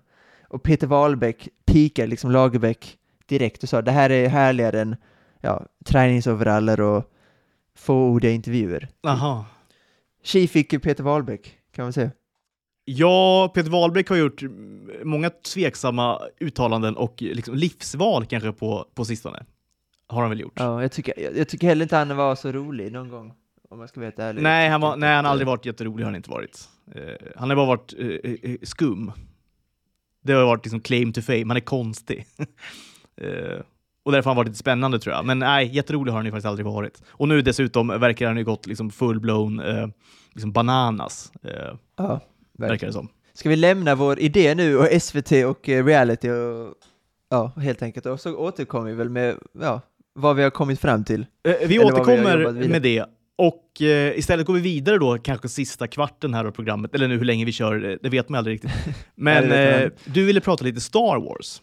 Ja, men det var också någon som frågade på Twitter eh, inför Mandalorian säsong 3 som kom ut eh, på, vad fan blir det? Det blir nog fan nästa onsdag. Ja, nästa onsdag helt enkelt, för vi spelar in nu på onsdag. Eh, så startar då Mandalorian säsong 3. Du har inte sett det, vilket förvånar mig lite grann eftersom att du gillar Star Wars och du gillar också western. Eh, alltså gillar och gillar, alltså jag har ju sett Star Wars-filmerna, har gjort. Ett par, tre gånger kanske. Eh, allihopa. Och eh, jag har sett någon spin-off, jag såg den här Rogue, Rogue One, hette den va? Såg jag på bio när den kom. Tyckte jag var helt okej film också. Eh, sen har aldrig jag liksom fast, jag har liksom aldrig gått ner mig i det Star Wars-hålet. Liksom. Eh, jag tyckte att filmerna är liksom ganska roliga och eh, ganska sevärda. Eh, framförallt liksom när, när den här se- senaste trilogin kom. Det kom väl, var det 2000? Eh, Episod Eh, tre oj, kom. Menar, eh, menar du eh, alltså prequel? Alltså Ja, exakt. Alltså Det mörka ett- hotet? Ja, eller vad det hette. exakt. Ja. Jag, vet inte om det var 99 20, kom den. jag var kanske 99. 11, 12, 13 bast någonting och då var det ganska coolt. Liksom. Perfekt ålder, ja perfekt Ja, ålder. men verkligen. Och det var Jar Jar Binks och det var så här, ja men det var kul liksom. Eh, Pernilla August på ett hörn. Och i en scen. Betoning på hörn, säga. Ja, verkligen. På tal om casting, alltså, hur gick det till undrar man. Men i alla fall. Eh, sen har liksom inte jag, och jag har ju sett de äldre filmerna också såklart. Eh, som Så är, du har inte liksom, sett de nya? Nej, alltså de andra, ny- jag, jag har liksom inte sett någonting. Alltså, eh, jag såg dem då. Episod Eh, 7 till 9? Ja, men exakt. Har de du i dem? Nej. Nej. Okej. Eh, Eh, så att jag, så här, jag, filmerna tycker jag är liksom, jag tycker de är ganska bra så, men eh, jag, jag har liksom inte nördat ner mig i det, har jag inte gjort. Och därför har jag då missat också typ eh, Mandalorian, eh, Andor också va, eh, som ändå, båda de serierna tycker jag ändå liksom, verkar ganska bra. Jag har bara liksom inte tagit mig tiden på något vis att, att liksom prioritera de serierna. De två tycker jag verkligen du ska, eh, dels eftersom att det är väldigt få avsnitt du behöver eh, ta ikapp. Det är 12 avsnitt på Andor och 16 på Mandalorian, så det kommer ta dig inte mycket tid alls. Eh, framförallt Mandalorian, alltså om du gillar western och du ändå tycker Star Wars är så här helt okej, så hade du verkligen tyckt om den tror jag. Ehm, och så här 45 minuters avsnitt, eh, ibland ännu mindre, ibland lite längre. Ehm, så jag skulle verkligen rekommendera dig att se Mandalorian. Okej. Ehm, Man behöver lite, Eh, jag men behöver lite här- serietips liksom, så det var ja, det jag ska ta tag i då. Ja men ta Mandalorian då först, dels för att det kanske får det ett, ja, lite återvunnen kärlek till Star Wars, för det är lite, eftersom att du har nördat ner det är så mycket Sagan om ringen och den loren. Ja. Det förvånar mig lite att du inte har gjort samma med Star Wars, för att den världen är ju rikare på något sätt. Ja. Ehm, Ja, nu ska vi, ska vi inte börja den 17. debatten? Ja, det kanske vi inte ska. Jo, men det, jo, det tror jag att du kommer Ah. tycka. Det finns ju, jo, det tror jag. Ehm, det, finns, det finns väldigt mycket, alltså massa olika planeter och eh, folk och eh, massa historia. Alltså Star Wars är väldigt, väldigt rikt och det är det jag gillar med det. det är det, jag älskar också Sagan om ringen just därför att det är rikt, men jag tycker Star Wars är, uspen med Star Wars är att det är rikare värld, tycker jag. Och uspen med Sagan om ringen är att det är ah, Ah, vad fan ska man säga, mysigare värld kanske. Att det är mer så här, eh, jag vet inte, det är lite mysigare och Star Wars är mer rikare och att det är massa olika planeter och, och så vidare. Det är mer politik helt enkelt. Um, för det är det, alltså mångas kritik mot de eh, som du pratar om, The Phantom Menace och de, var ju att eftersom att då många hävdar att Star Wars är för barn och att den första filmen handlar om typ att man ska signera ett papper. För det är typ det den första filmen handlar om. Eh, det alltså, vi ska, ska vi börja där, episod 1 till 3, vilka alltså, haverier de är. Eh, Alltså där, där och då var de ju eh, liksom bra, såklart. När man var 12, Ja. inte vet jag, Jo, det 11-12 fattar jag. år. Men eh, såklart, alltså ser man dem nu eh, så är det ju, nej, det är, ja, som du säger, det, det, det är ju inte bra alltså. det, Nej, det är, är det så inte, mycket såklart. fel alltså. Det är så Ja. mycket i manuset och i skådespeleriet eh, också. Och eh, vilket säger rätt mycket för Samuel Jackson och Ian McGregor är väldigt duktiga får man säga. Ja, alltså Liam Neeson Eh. är med också. Det är så bra, bra skådisar ju. Väl, verkligen. Så det, är, det är George Lucas problemet. Han fick för mycket makt. Han både skriver och regisserar de tre filmerna. Han är ju otrolig med storybuilding och sånt och han ska ju ha hand om storyn. Eh, sen ska han nog inte skriva manus och han ska inte regissera filmen heller. Det var ett misstag. Men eh, jag tycker att de här tre har ju väldigt mycket hjärta och det är väldigt mycket kreativa, bra idéer. Dock är det just allt annat, innehållet är ju problemet. Alltså manuset, skådespelarna, hur filmen ser ut och så vidare. Men själva storyn tycker jag är ganska bra. Ehm, alltså vissa planeter och vissa, alltså Clone Wars, allt det. Eh, och sen är trean ganska bra, men det är ju för att alltså, det är svårt att misslyckas med det. Alltså skapandet av kanske den mest kända villen som finns i hela filmvärlden, Darth Vader. Det är svårt verkligen. att misslyckas med det alltså. Och Ja. framförallt när teknologin blev mycket bättre. Alltså filmen Nej, men ser den, den filmen mycket bättre ut än gjordes, gjordes, nästan, gjordes sig själv på något vis nästan. Alltså så här, det gick ju, Ja, inte verkligen. att, gick ju inte att misslyckas med på något vis. Nej, precis. Det skulle vara inte. David McKay eller Wayne Yip då möjligtvis, som hade liksom eh, Ja, fan. Wayne totalt haft förstört den svårt. storyn då. ja, ja. Wayne Yip hade haft svårt. Han hade, trean. väldigt svårt med. Ja, det hade han haft. Eh, Och visuellt ser alltså om vi bara pratar, Yoda, hur ser han ut i ettan, tvåan? Fruktansvärt äckligt, alltså fruktansvärt illa. Ja. Uh, och, och redan till trean ser allt mycket bättre ut. Alltså CGI och allt. Ettan, tvåan ser väldigt, eh, det ser dåligt ut. Kommer och då man lägger till då lite så här eh, Anakin, Jake Lloyd skådespel, sen Hayden Christensen, de satt ju inte, Anakin var inte bättre i tvåan om man säger så. Hans kärleksrelation med Padme är också katastrof i kemi och uh, det, det han säger, det här med sanden. I hate it, it's rough, it's coarse, it gets everywhere. Och när han tittar på henne är det, det är mycket som är jättedåligt med det är filmerna, men det finns ändå. Jätteplatt är det verkligen. Ja. Verkligen, verkligen. Och det är manuset och regin med- och det visuella. Men återigen, storiesen är ganska bra. Alltså allting som händer, man är ändå investerad i storyn, men sen måste man genomlida då mycket skit, helt enkelt. Men det här handlar ju Eh. så här, jag, jag tänkte på det faktiskt när jag, jag, jag hade två timmar över i veckan, vilket är väldigt sällsynt. Där jag då var helt själv hemma. Och då tänkte jag så här, ska jag göra något vettigt av det här? Eh, Nej, eh, jag sätter på en film. Och då hittade jag på, jag var bara inne på någon app, jag minns inte vilken det var, men då bara kollade jag vad som fanns för filmer där. Jag vet inte om det var More eller Viaplay eller vad det var för någonting. Och då fastnade jag för 310 to Yuma, den här westernfilmen från eh, 2007 tror jag. Har du sett den eller? Mm. Ja, verkligen. Skitbra. J- jättebra. Christian Bale, eh, eh, Russell, Russell Crowe. Crowe. Eh, ben Foster i en, i en fantastisk roll, eh, gör han. Och då, då, tänkte jag verkligen på det, för att eh, jag såg den när den kom då, jag tror det var 2007 den kom, på bio, tyckte den var så här, jag mindes jag mindes att jag tyckte den var väldigt bra, men att det var någonting som skavde. Och då var det så här, vad, vad, var det som skavde? Så att jag ville liksom se om den filmen igen. Och eh, det som skavde var ju då slutet helt enkelt. Eh, där då Eh, och eh, eh, det slutar då på ett väldigt speciellt sätt. Protagonisten då, eller jag vet inte om jag ska spoila filmen, det kanske jag inte behöver göra, det kanske är onödigt, för det handlar inte om det egentligen, hur den slutar. Bara att den slutar på ett ganska dåligt sätt då, tycker jag. Och då googlade jag lite efteråt på liksom reaktioner den här filmen fick eh, då eh, på slutet, för jag tyckte det var ett ganska dåligt slut och det hade kunnat göras mycket, mycket bättre. Och då kommer det fram då att, att manusförfattarna, de hade skrivit då ett helt annat slut som då var mer i min smak, som jag hade liksom velat ha det. Medan då regissören då insisterade, det var otroligt viktigt för honom då att den här filmen slutade som den sen slutade. Och då är det så här, det, är verkligen viktigt då, alltså en regissörs roll i en film går ju nästan inte att överskatta. Alltså det fanns en period eh, när jag tänkte att regissören, så här, det är lite så här, nästan lite redundant roll, alltså lite on, alltså så här, varför behöver man en regissör för? Du har ett bra manus, du har en bra, liksom, bra skådisensemble och sådär, då löser det sig mycket självt. Men, men grejen är att regissören är ju fullständigt kritisk liksom, för att det ska bli, för, för vad produktionen blir för någonting till, till slut. Eh, och här då tyckte jag att regissören gjorde ett, ett, ett verkligen fel och det, det är viktigt då liksom vilka personer som är inblandade i ett projekt. Och, och det är som du säger då, att, att liksom när George Lucas då skulle då liksom ha alla, sitta på alla stolar helt plötsligt, så var ju det, det liksom fel. ett, ett, felbeslut var det ju. Alltså han är ju såklart ja, en, en storyteller av Guds nåde eh, och fantastisk på den biten och bygga världar och så vidare. Men när han då ska sätta sig i registolen, det, då skiter det sig ju mycket. Ja, det gjorde det. och det, det är liksom svårt ja. kanske att ha den insikten, men, men det, det märks ju så tydligt i efterhand.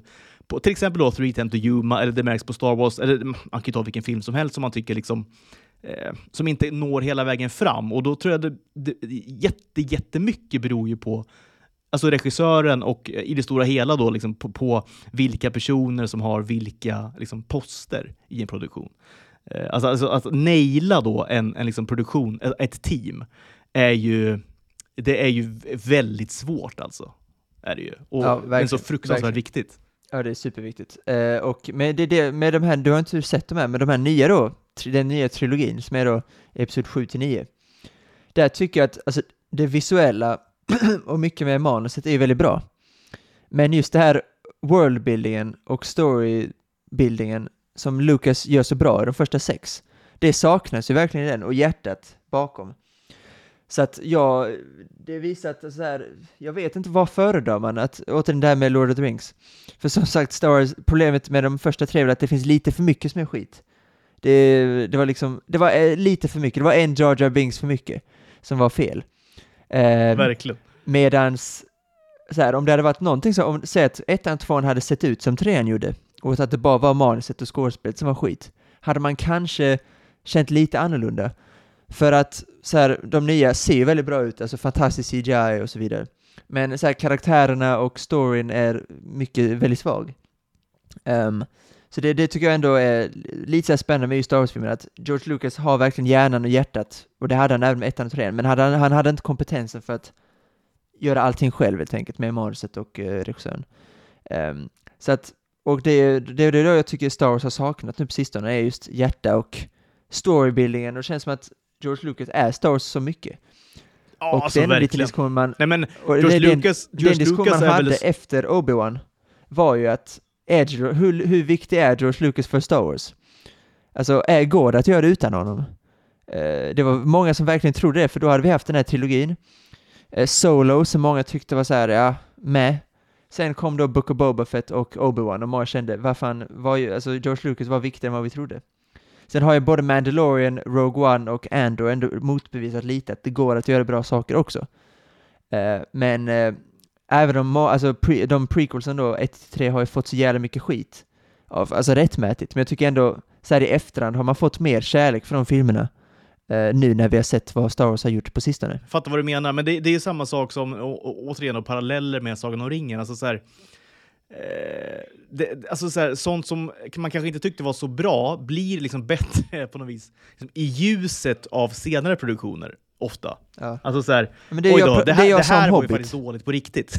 Det här, det här andra vi såg, det kanske inte var så himla dåligt. Liksom. Det finns ändå liksom ljusglimtar och, Exakt. och liksom höjdpunkter och, och sånt som, som man ändå kan älska, liksom. även i de här prequelsen. Som du säger då, alltså den här Eh, nej, men det finns en värme och någon sorts liksom, eh, vibe En liksom, idé. i de här Det filmerna. finns en som man idé, ändå ba- kan och det finns en idé bakom.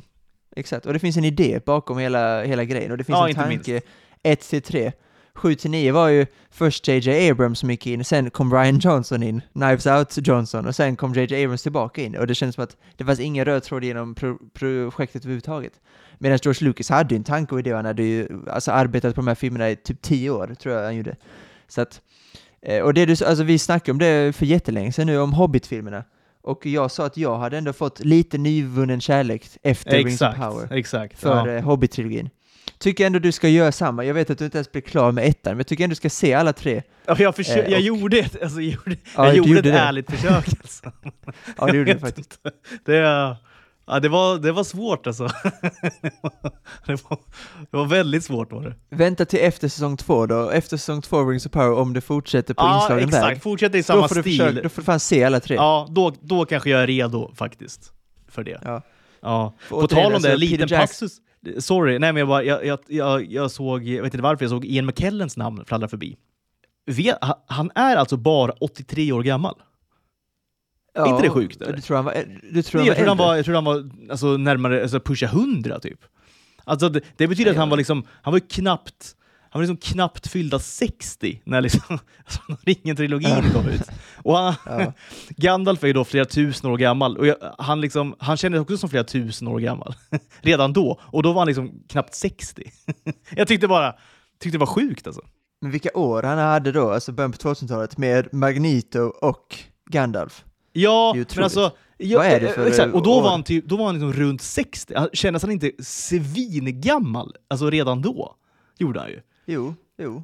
Alltså du vet en ser 60-åring rätt gammal idag, det är ju inget, alltså hur gammal är Johnny Depp? Är han typ 60 eller? Alltså, Eh, oj, ja det, jo han är fan, han- jag tror han, fan, jag tror han är 63, då fyller han han, måste ju 60 vara, år. ja du ser, han är ish, alltså så här, det, det är, det, alltså det är ju sjukt ju. Ja.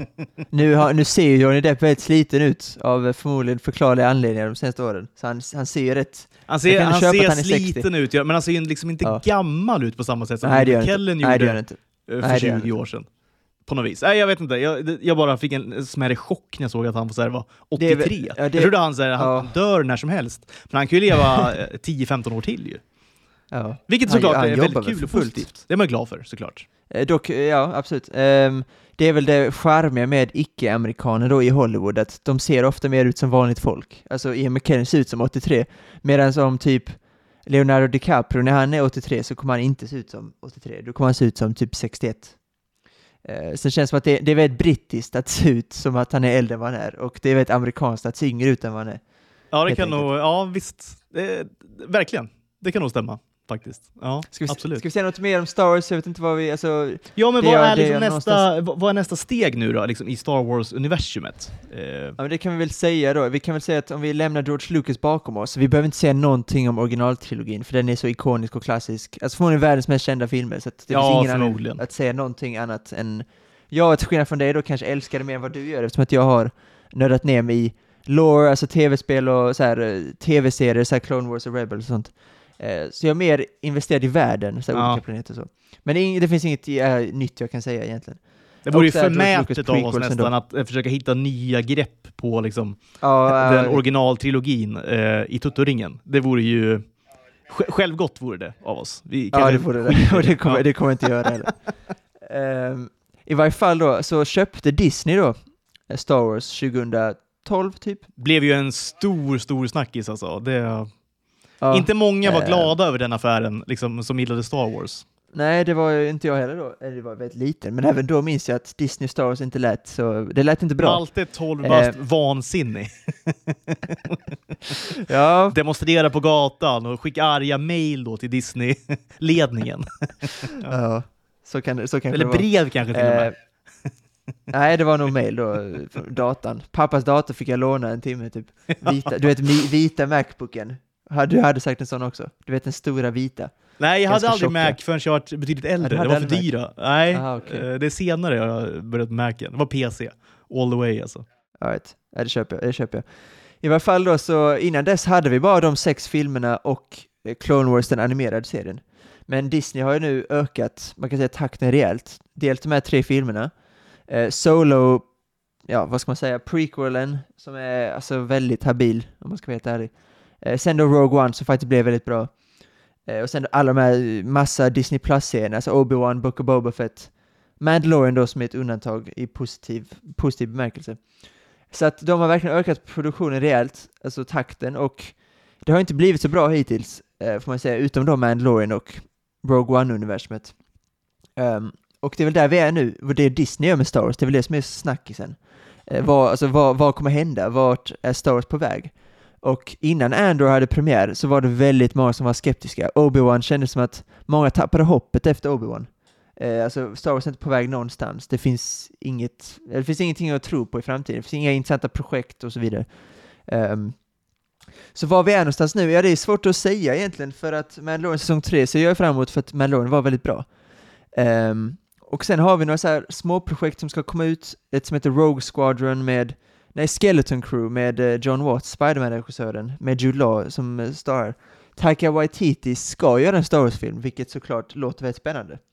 Men han säger själv att han är långt ifrån säker att de ens accepterar, det är ju det nackdelen med Disney, alltså de har ju sina ramar och så vidare. De, hur mycket kreativ frihet får man? Det är ju det som är Star Wars för mig, kreativ frihet. Eh, och det känns som att kanske inte Star Wars accepterar Waititis idéer. Eh, vilket hade varit såklart skit, skittråkigt, för någonting behövs det. Alltså en riktigt bra Star Wars-film som känns som att det kan leda någonstans. För Rogue One var ju verkligen Alltså det var en jättebra film, men den le det ledde ingenstans. Alltså, Det blev inget av det men alla, Nej, exakt. Verkligen. Nej, för att det, det, är en, verkligen, det är verkligen en side story som... Eh, alltså det, den tar slut där. Det finns, inget, det finns inget rum för någonting annat, för alla Nej. dör. När storyn liksom börjar och slutar, liksom där filmen börjar och slutar. Eh, Exakt. ja. Och det, och det har jag inte problem med, men det som Star Wars saknar är liksom en framtid. Eh, vad ska man tro på? Var, vart är Star Wars på väg? Är det bara massa projekt som ska vara, ja, eh, stå själva helt enkelt och inte höra ihop? Så kanske det är. Men då krävs det fler bra projekt. Um, så var står Star Wars någonstans nu? Ja, det är svårt att veta. Jag skulle säga att även om Andor blev en jätteframgång så skulle jag säga att fortfarande mår Star Wars ganska dåligt. De tjänar skitmycket pengar fortfarande, så Disney klagar inte, men vi som konsumenter får ju sämre bra grejer. Och sådana som dig som är så här halvt positivt inställda till Star Wars är ju inte, ni vinns ju inte tillbaka av uh, något speciellt. Alltså, Disney ger ingen anledning till att börja kolla på något. Nej, precis. Så att- Verkligen. Det, det, någonting måste hända och ja, jag tror att, eller jag hoppas i alla fall, att Waititi Star Wars-film som ska komma ut 2025, det är långt från säkert att ens den, den blir av. Den hoppas jag kan få någon slags vändning på skutan. Men i varje fall, det, det får vi kanske prata om någon annan gång, för där kan man prata om i flera timmar. Men eh, det som är viktigt nu är i alla fall att Mandalorian kommer ut nu nästa säsong. Och eh, det ser, trailern ser jättebra ut. Eh, säsong två var skitbra, jag ska inte spoila någonting för att eh, ja, det är ändå ganska nytt så det känns onödigt. Och du ska väl kanske börja se den då, helt enkelt. Ja, Ehm, absolut. det finns mycket matigt där och eh, vad säsong tre, var vi ska någonstans, ja men det finns ändå lite som talar för att vi är på väg någonstans. Ehm, så att, eh, ja men det finns ändå lite att se fram emot eh, när det kommer till Star Wars. Jag älskar Star Wars, så, så jag kommer att, alltså de gör skitmycket bra tv-spel och serier också. Eh, alltså animerade serier som Ja, det är också en stor, utanför. stor business är det ju, verkligen. Alltså. Exakt. Men de här stora produktionerna har ju misslyckats lite grann. Det är väl det som är problemet. Och det är framförallt det här fanservice-grejen med Boba Fett just och Obi-Wan som kanske inte har blivit jättebra. Medan det här lite mer eh, tråkiga kanske man kan tycka Andor, Rogue One har blivit mer lyckat. Ehm, Så att, eh, ja vi får se, Star Wars ehm, framtid är väldigt oviss. Det finns ingen så här DC som vi pratade om förra veckan där det är planerade faser och så vidare. utan det är Exakt, Massa det finns ingen olika projekt. liksom. det finns ingen plan överhuvudtaget och det Nej. kanske är ett problem, jag vet inte. Det kanske är någon som ska ta tag i det. Och om DC lyckas med deras projekt så kanske Star Wars känner att de vill göra saker. För jag tror att, eh, kanske, jag är rädd att nästa Star Wars-film, när den nu kommer, ingen aning, att den skulle kunna bli en så här lite miniflopp på bion. Ja. Och då att, att de först då behöver analysera varför det har gått som det har gått. För att eh, Marvel och DC går ju skitbra och det gör de alltid. Och Star Wars har egentligen inte haft... Solo floppade rätt mycket. Rogue One tror jag gick helt okej. Okay. Men de här uppföljarna då, 7, 8, 9, gick ju bra bara för att det var liksom, alltså Han Solo, det var en del av Skywalker-sagan.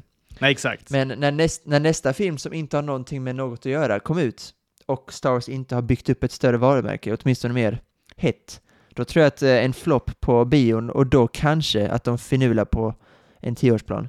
Och det tror jag hade varit väldigt bra. Det hade nog varit eh. bra, för att det är ju, nej som du säger, eh, världen och universumet är ju så pass rikt att alltså så här, det finns ju, det, egentligen finns det att göra hur mycket som helst. Precis som då med liksom eh, Sagan om ringen-världen så att säga, alltså Tolkiens eh, värld. Eh, och där händer det mycket också, eller mycket, men det händer ju en del. Dels såklart Rings of Power, men det kommer också, jag vet inte om det är nästa år eller om det till och med i år, kanske den här animerade serien om eh, Rohirrim kommer. Alltså eh, Rohans då, eh, alltså ryttarna då i Rohan.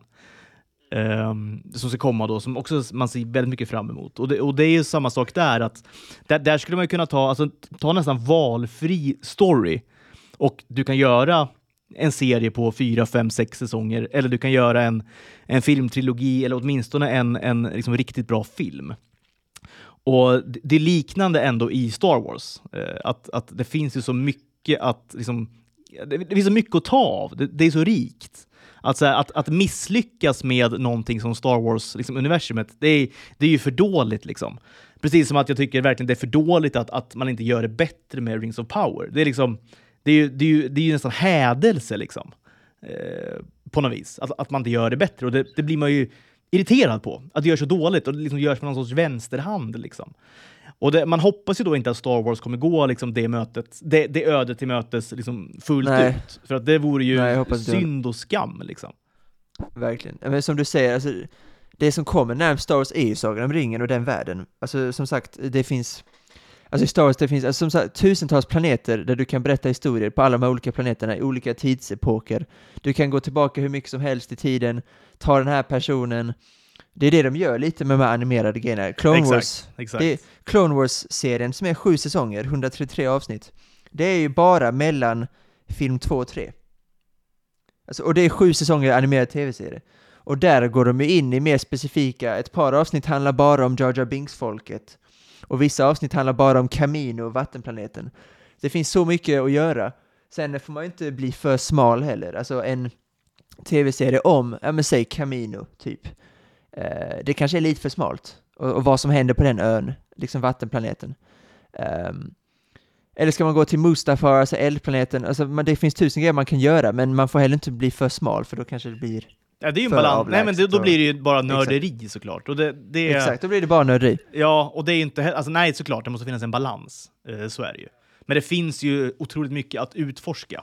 Exakt, så att det, det borde vara lätt att hitta en balans. Det, ja, och det är, då liksom, det, det, är då rätt folk måste in, alltså återigen. Alltså Exakt. slänga in då Wayne, Inte Wayne Yip, liksom som ansvarig då, eller, eller de här uh, story um, liksom runnerserna liksom i, i Rings of Power. Alltså, det, man blir ju, man blir ju, man blir ledsen på något vis alltså. Att man liksom sabbar en sån här chans att göra någonting så här riktigt episkt. Liksom. För att alla liksom, verktyg, liksom, grunden är ju lagd. Alltså, manegen är ju krattad. Liksom. Tolkien har ja, gjort... Verkligen. han, så, han, han, han har gjort allt. Liksom. Ni, ni behöver bara ja. göra, liksom, adaptera det här nu på, på ett bra sätt.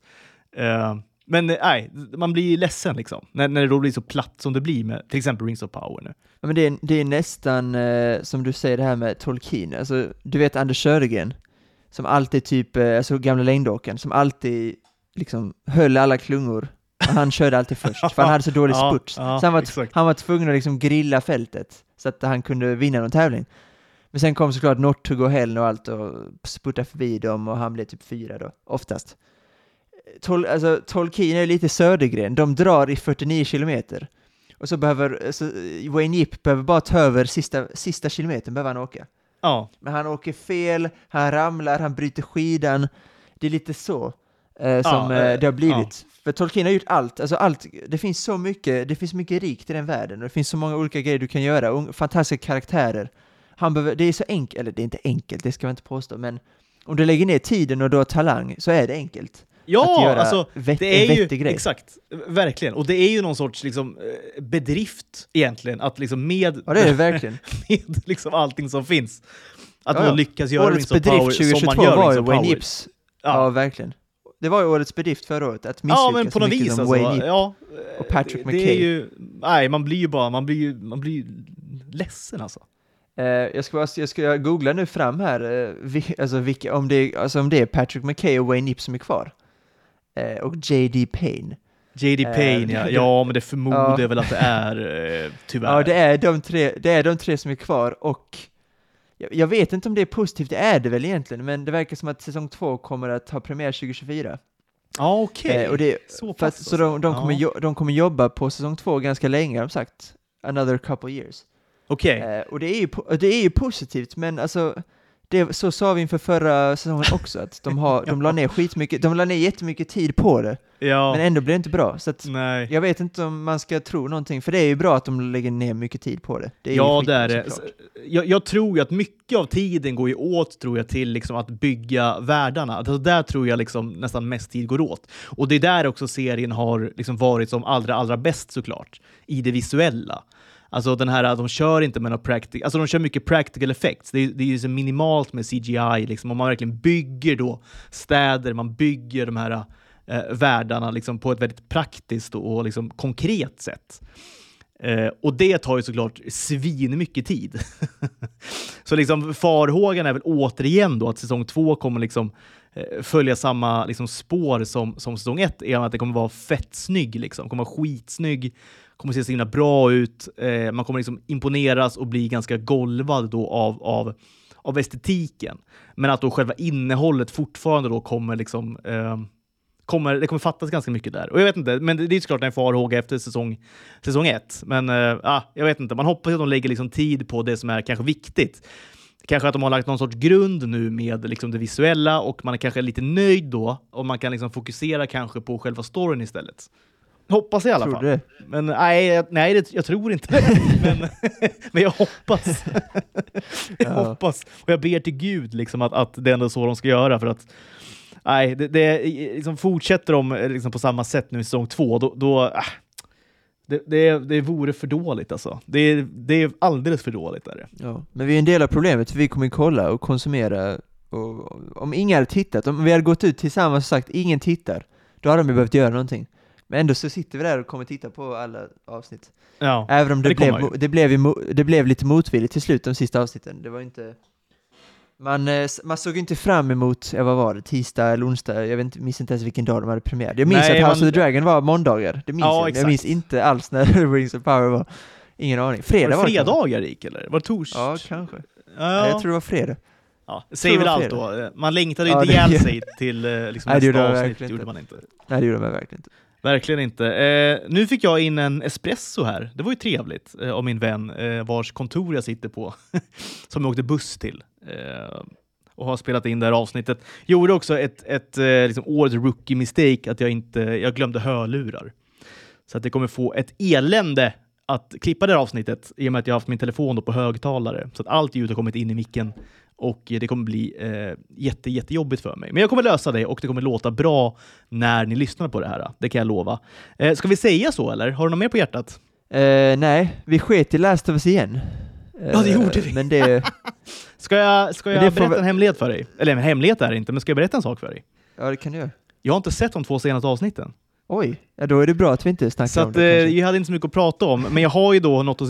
Det ser jag ändå lite fram emot, att då klämma ett dubbelavsnitt. Det är alltid trevligt ju, Ja. faktiskt. Ja det är det verkligen. Det är det Eh, verkligen. Ja, men ja. eh, jag, jag kan, om, om ni undrar så kan vi säga, jag tycker fortfarande det är skitbra, så att eh, det är ingenting som, jag har egentligen inga jätteintressanta tankar kvar. Man är ju inte lika golvade som man var alltså, så här, första tre avsnitten. Eh, det är man ju inte, för att det var den här första initiella reaktionen. Men eh, det är fortfarande skit, det jag tycker fortfarande är skitbra. Och du sitter kvar i din, du, och Jennifer Wegerup sitter kvar där och är bittra. är lite, är lite skeptiska. Tyvärr, Ja. nej det ska jag inte säga förresten. Det var inget. Jag tänkte att även Hanif Bali hade hoppat i båten, men det Nej. hade han inte gjort. Han var ute på Twitter och liksom var han tyckte inte att det var så woke som alla hade sagt. Och det har han ju en poäng Nej. ändå. Att, Ja, det är vad är absolut det alla är så woke. himla upprörda över? det, Och det, det har han ju det är verkligen en rimlig invändning ändå, måste man ju säga. Det är, inte ofta, det är inte ofta jag och Hanif Bali står i samma ringhörna. Jag tror till och med jag är block, jag tror till och med han har blockat mig på Twitter om jag ska vara helt ärlig. Oj, är det så Eh, pass alltså? Ja, jag tror, förmodligen. du är tror ändå ganska det. Men, höger, eller? Är du inte det? Nej, Nej, det kanske du inte är. Jag kanske har liksom miss... miss eh, nej, det är nog för att jag, det är för att jag hatar den här woke-rörelsen rätt mycket. Det är väl därför jag Woke-nazisterna, jag ja. ja. Exakt, men jag är nog tvärtom, jag, sk- jag skulle inte rösta höger alls. Därför Ja, har jag nog blivit blockad alltså. både Hanif Bali och Rickard Herrey. Vi varje fall ligger mer jag att- närmare politiskt än jag trodde faktiskt. Jag trodde att det var ytterligare Nej. en, liksom, en, en skärningspunkt då mellan oss. För att vi håller ju med varandra ganska mycket och det är ju några saker vi Verkligen. tycker olika om då. Ja, Eh, okej. nej, men jag, jag, jag skulle aldrig rösta på något av de fem eh, högerpartierna, så kan vi säga.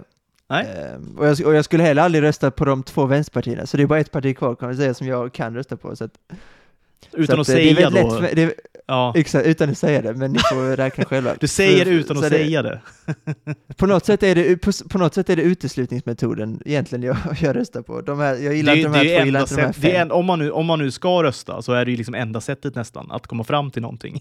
det är ju Ja, liksom nästan. att ta ett parti i taget och liksom bara eh, bockar av då nej, nej, nej, Ja, tills man så. kanske, når, fra- kanske då når fram till någonting. Men det är inte alla gånger man gör det heller eh, på något vis. Nej men lite så, om- man börjar, om man, nu är det väldigt, nu kommer jag få många på mig på Twitter, men vi börjar med kommunister.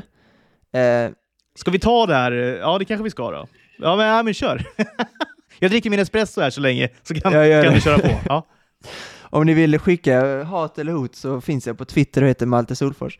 Eh, och ni kan även mejla mig på typ malte.solfors.hotmail.com och så. Eh, så att ni inte, om ni inte vill Galna se. hotmailadressen alltså. Den är Ja, galen verkligen. alltså.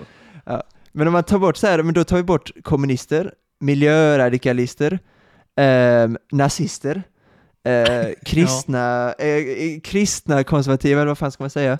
Eh, gamla Kristna adeln. högern kanske lite grann. Det är ett parti som har tappat sin identitet mycket tycker jag, KD. Och det är ju trist när det händer. Och sen tar vi gamla adeln då, i Moderaterna.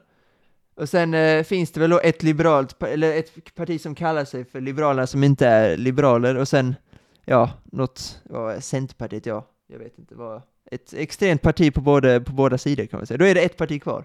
Eh, som jag har eh, valt då. Som, det är väldigt enkelt för mig, om, om de också går åt pipan så är det blankt för mig, det, så enkelt är det. Eh, Det kommer inte bli något av de andra sju som jag exkluderar. Då är det det ena eller inget. så enkelt är det.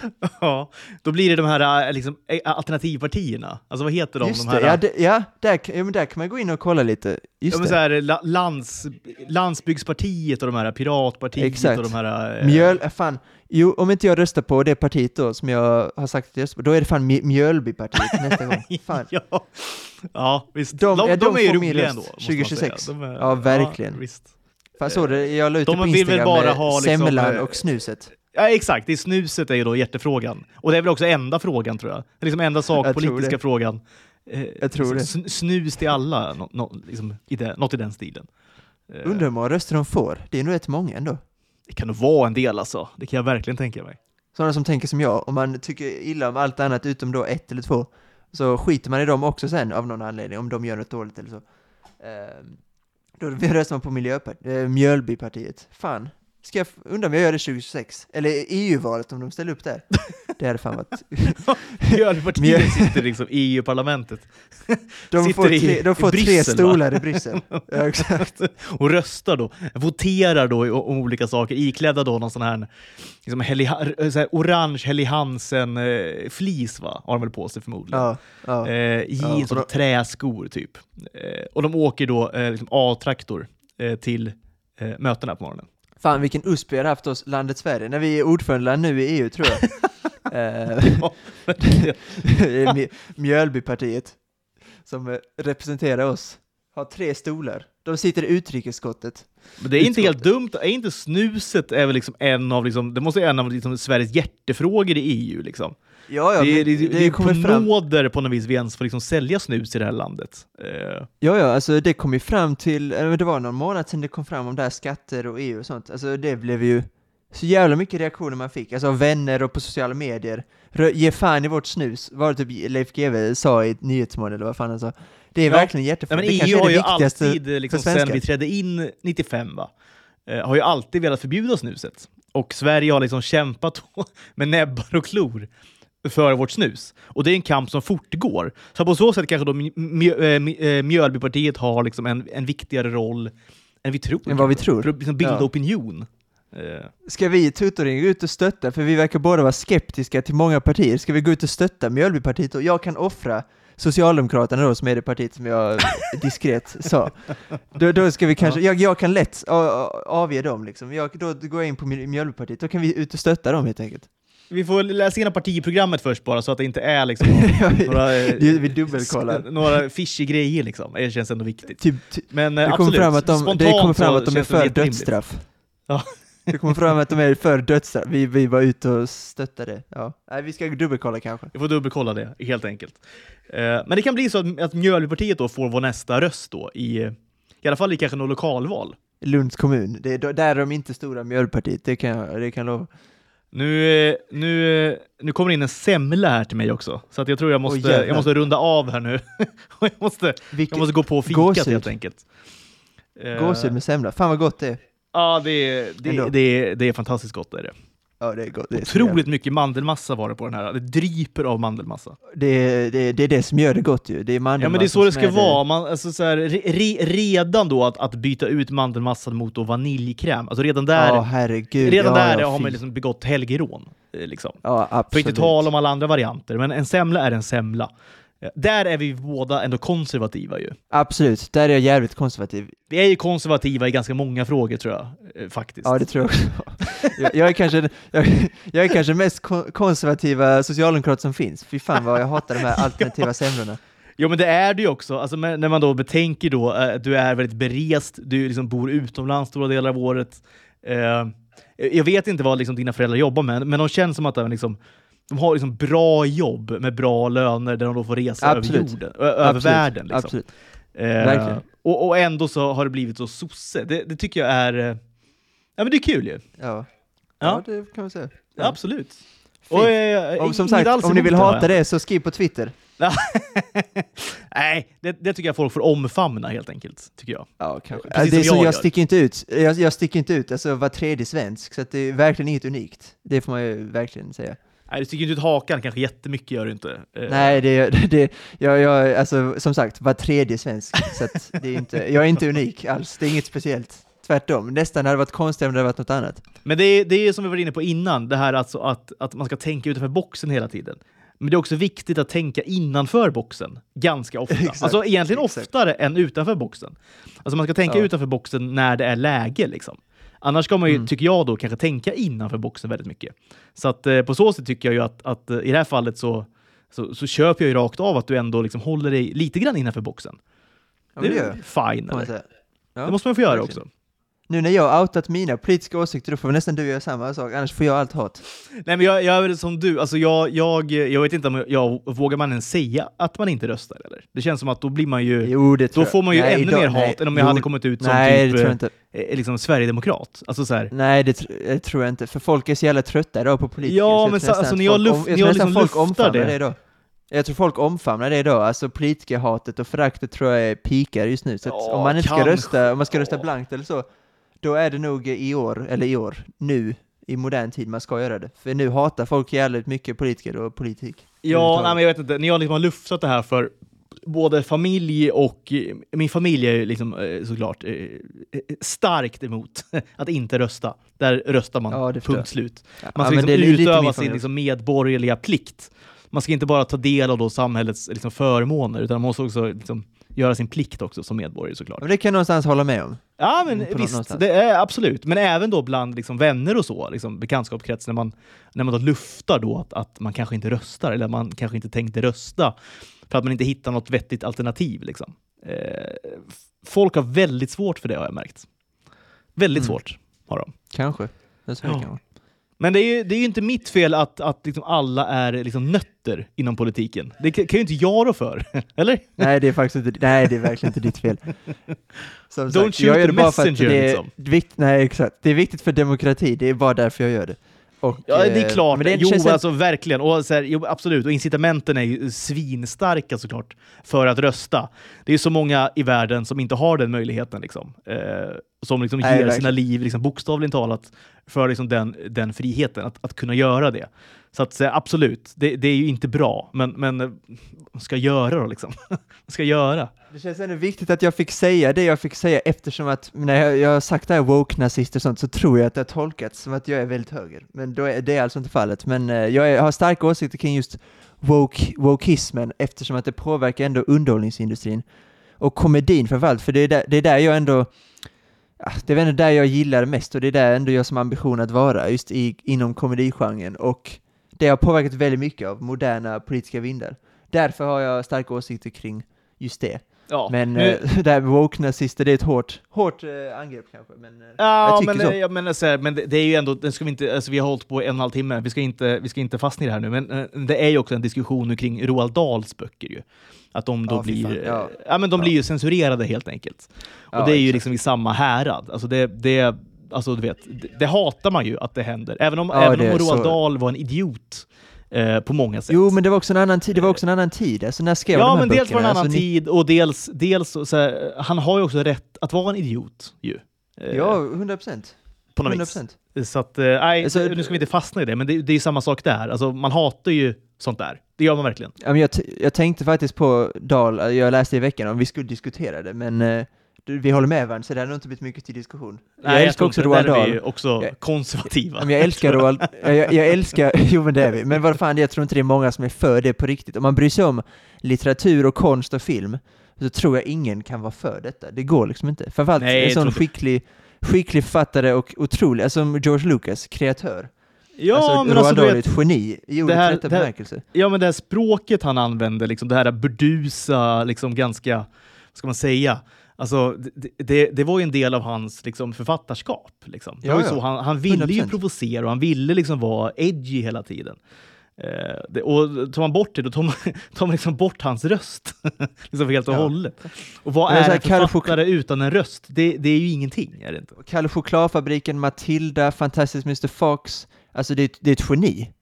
Alltså gå in och censurera och ändra det på grund av att nu är det en annan tid. Ja, Jag tycker det, det, är, så, det är fruktansvärt. Det gjorde, mig, det gjorde mig ledsen. Och det var det jag menade med wokeismen. Det, det är perfekta exemplet för vad som är fel idag med eh, ja, konsten helt enkelt. Det är be, yttersta beviset på det. Sen när man är då en idiot så, så är man ju det då, men, men eh, man kan ju fortfarande vara en, en bra konstnär, liksom. en bra författare såklart. De flesta bra konstnärer är väl idioter, nästan. Ja, det är väl inte alls omöjligt. Eh, Så visst. Åtminstone egocentriska och kanske inte lättast att göra med i varje fall. Nej, förmodligen ganska dåliga människor också. Eh, Ja, exakt. Men det, det krävs det är ju ofta, det alltså så här, det krävs, jag vet inte. Det krävs någon speciell. helt Det krä, ja, exakt. Eh, vad nu liksom it, eller vad ska man säga, vad nu X-faktorn än är, så, så krävs den för att man ska lyckas. Så är det. Eh, vi säger så helt enkelt. Vi är tillbaka om någon vecka igen. Då är jag tillbaka på Malta. Jag är ju i Sverige nu faktiskt, eh, några dagar, Jaha. vilket är väldigt kul. Det var därför du fick semlan. Ja, exakt. Eh, det är därför jag fick semlan och jag ska nu eh, verkligen njuta av den. Ska jag göra. Den ser otroligt Ja, god ut. Lagom stor Ät också. Eh, Okej. Ja. Perfekt avvägd semla måste jag säga. En som saknas då är liksom florsocker på toppen. Det har de missat tydligen. Ja, det right. det du- blir li, lite avdrag på det, men annars ser den väldigt bra ut. Bra proportioner och så vidare. Ät inte den, konsumera den. Ja, jag ska in, liksom, sluka den ska jag göra. jag ska ha liksom ansiktet täckt av grädde ska jag ha. Förra året på fettisdagen var det ett erbjudande 10 för 40 eh, på Coop. Och då åt jag alla 10 på en jag, Man har alltid velat äta, ti, man har alltid velat äta 10 semlor, så att, och det fick jag göra det förra året. I år har jag bara ätit en, och jag är nöjd med den. ja, okej. Du, har, du har blivit äldre helt enkelt. Äldre och lite klo, klokare kanske. Jag vill ändå... det sagt, jag vill, med det sagt, 8, 9, 10 var också, de var också goda, men nummer 8, 9, 10, de var också rätt goda. ja, nej men alltså det blir ju, det blir ju inte äckligare liksom, ju mer man äter på Nej, nej, absolut. inte. Sen mår man, man mår inte skitbra sen eh, på kvällen, men eh, det var värt det. Nej. Jaha, alltså du åt dem vid samma tillfälle också? Ja men det blir ja, men utspritt på någon 20 minuter kanske, men ja. Oj, ja, det är ändå bra gjort alltså. Ja, men Jag, jag vill eh, leva kvar lite i den bilden när du då har köpt ett 10-pack semlor på Coop. ha med då kartongen hem, eh, du öppnar den, eh, du slickar dig runt munnen och sen bara eh, sätter du igång och slaktar de här. Det är en bild jag vill ha med mig nu när vi avslutar. Tackar för den här veckan och eh, säger på återhörande. Mm.